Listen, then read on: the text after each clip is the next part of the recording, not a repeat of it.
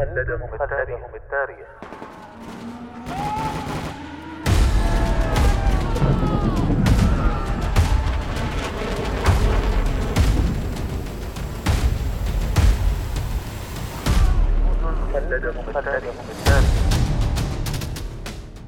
كم يفخر التاريخ العسكري برجال كتبوا سيرهم في سجلاته بحروف من الجهد والتضحية والعطاء. فبقت أسماؤهم خالدة باقية مثالا لمعنى الجندية التي دبت خطواتها كل شبر من أرض الوطن.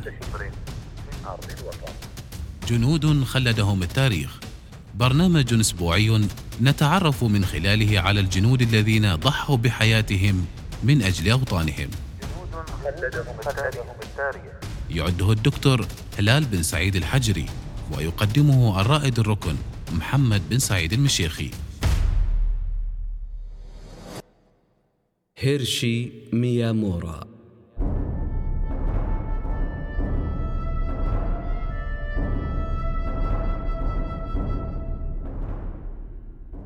كانت الحياة في معسكر أسرى الحرب الكورية الأمريكية صعبة للغاية.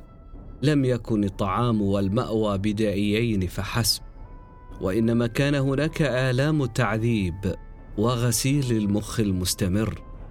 لقد شاهد الجندي الشاب هيرشي ميامورا العديد من زملائه الجنود يموتون ببطء مؤلم على أيدي خاطفيه كان جسده يعاني من الزحار وقد فقد خمسين رطلا وهي خسارة مروعة لشاب صغير بالفعل في مكانته وبصفته جنديا أمريكيا يابانيا كان الكوريون الشماليون يكرهونه بشكل خاص.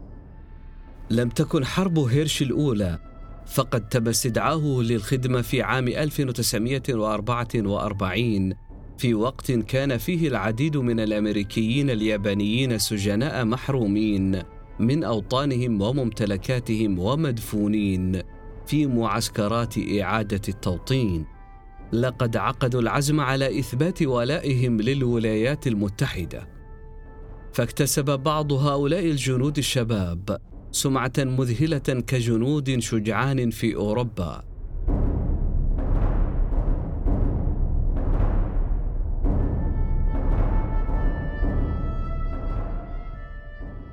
بحلول الوقت الذي انتهت فيه الحرب كان فوج المشاه نسي 442 قد سجل 47 وساما من فئة صليب الخدمة المميزة و354 وساما من فئة النجمة الفضية وأكثر من 3600 وسام من فئة القلب الأرجواني ومع ذلك لم يرى هيرشي أي عمل في الحرب العالمية الثانية. قبل خمسة أيام من وصول قواته إلى إيطاليا انتهت الحرب. وكان هيرشي فخورا بالعودة إلى الوطن مع فوجه الشجاع 442 وعاد إلى موطنه الأصلي جالوب في ولاية نيو مكسيكو وعمل ميكانيكيا للسيارات وقضى فترة في احتياطي الجيش. تزوج حبيبته في يونيو من عام 1948 قبل انتهاء تجنيده في الاحتياط. وبعد ذلك أدرك هيرشي تماما أن إعادة التجنيد ستدعوه على الأرجح إلى الخدمة الفعلية واتخذ خيارا لمواصلة خدمة بلده.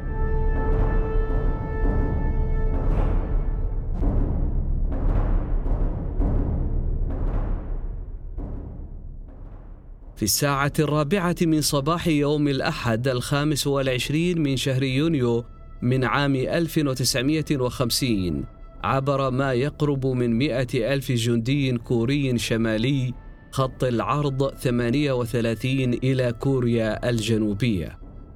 في غضون أيام بدأ سقوط الدولة الجنوبية الديمقراطية وشيكا ولم يتأخر إلا بعد الإنزال البرمائي في الخامس عشر من سبتمبر لقوات ماك آرثر في مدينة إنشون الكورية ردت الصين أولا بالتهديدات ثم في السادس والعشرين من نوفمبر عجلت بسرب مفاجئ قوامه 200 ألف جندي صيني متطوع عبر نهر يالو. كان الشاب هيشي يراقب المشهد من مسافة قريبة بصفته قائدا لفرقة مدفع رشاش. يقول رأيتهم يتدفقون عبر النهر بواسطة منظاري انسحب هو وفريقه مع نفاد الوقت وتمكنوا من اللحاق بآخر سفينة غادرت مدينة هونغنام قبل أن ينقض الصينيون على المدينة ويدمروها. خلال الأشهر التالية تم نقل فرقة هيرشي من مكان إلى آخر ومن وحدة إلى أخرى لدعم مختلف عناصر المشاة وكما يروي المؤرخ إدوارد مورفي فإن مثل معظم جنود الخطوط الأمامية لم يكن لدى هيرشي فكرة تذكر عن مكانه وما هو الدور الذي لعبه هو ووحدته في الحرب. كل ما كان يعرفه وما قاله له قادة فصيلته. وكما يروي المؤرخ إدوارد مورفي فإن مثل معظم جنود الخطوط الأمامية لم يكن لدى هيرشي فكرة تذكر عن مكانه وما هو الدور الذي لعبه هو ووحدته في الحرب. كل ما كان يعرفه هو ما قاله له قادة فصيلته.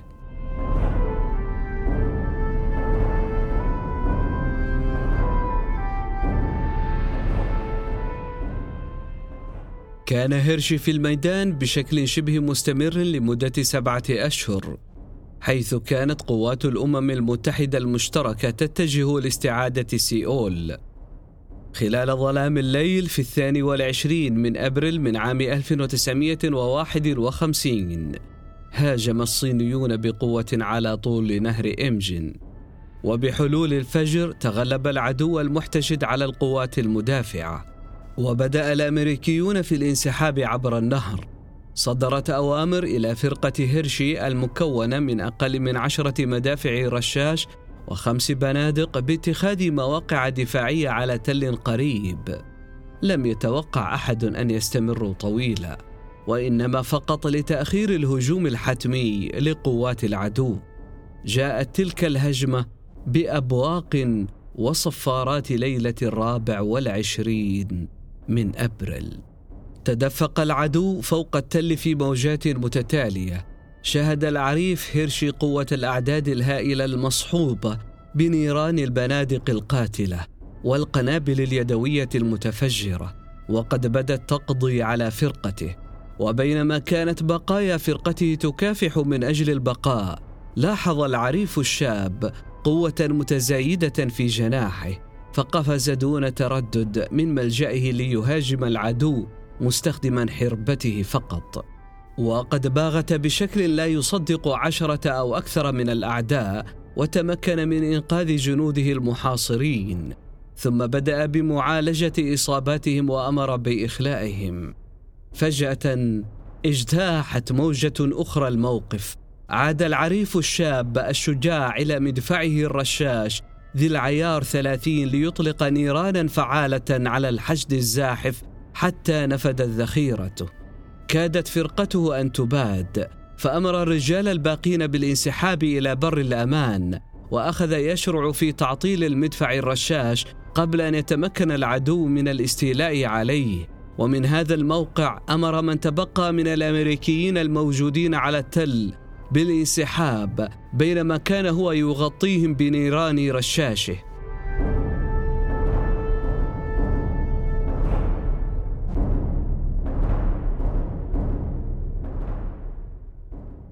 جاءت موجة تلو الأخرى على التل الذي يسيطر عليه الآن بمدفع رشاش وحيد.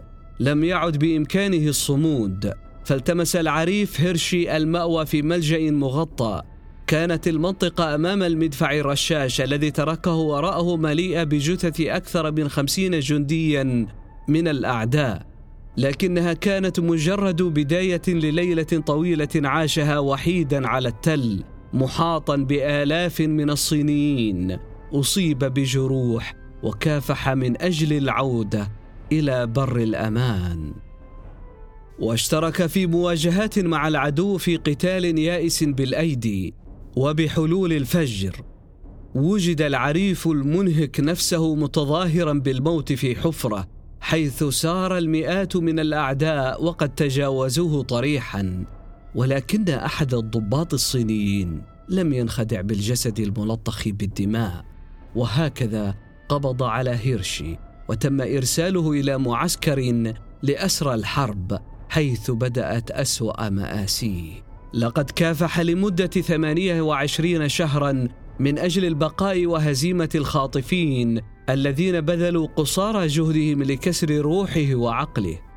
لأكثر من عام لم تعرف عائلته شيئا عن وضعه ولم تدر ما إذا كان حيا أم ميتا لأن الصينيين لم يفرجوا عن أخبار وضعه كأسير حرب.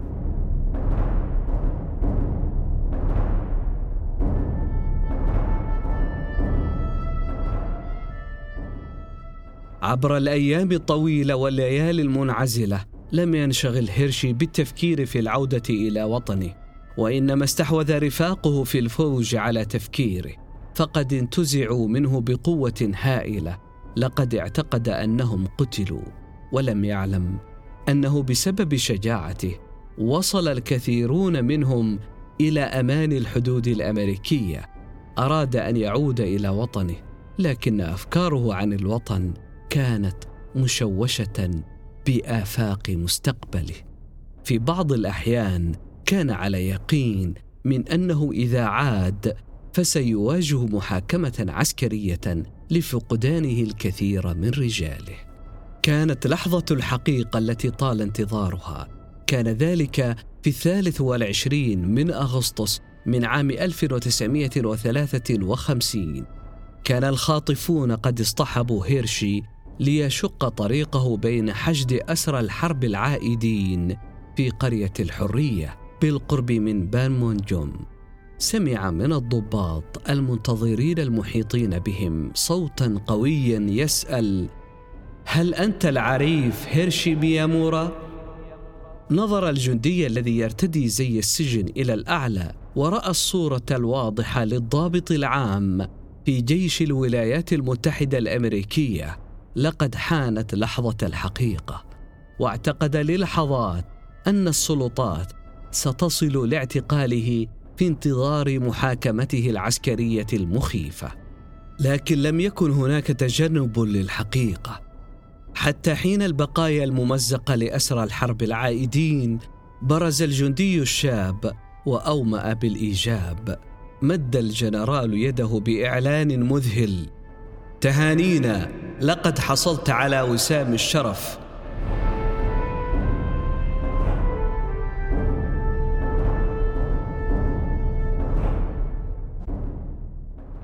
بالنسبة للعريف الشاب هيرشي ميامورا كان هذا البيان أكثر من مذهل كان لا يصدق.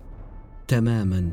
كما احتفظ الصينيون بسر اعتقاله لأكثر من عام احتفظ جيش الولايات المتحدة بسر حول الجندي الشاب طيلة 28 شهرا من سجنه وأبلغ العريف ميامورا في وقت لاحق بالسبب. لو عرف الخاطفون الصينيون بتكريمه لربما لم يصبح على قيد الحياة اليوم. بعد شهرين في السابع والعشرين من شهر أكتوبر من عام 1953 زار هيروشي ميامورا البيت الأبيض كضيف شرف. وصافحه الرئيس الأمريكي أيزنهاور ووضع أعلى وسام للولايات المتحدة حول رقبة الشاب الياباني الأمريكي من مدينة جالوب في ولاية نيو مكسيكو. وبذلك أصبح من الجنود الذين خلدهم التاريخ. جنود خلدهم التاريخ.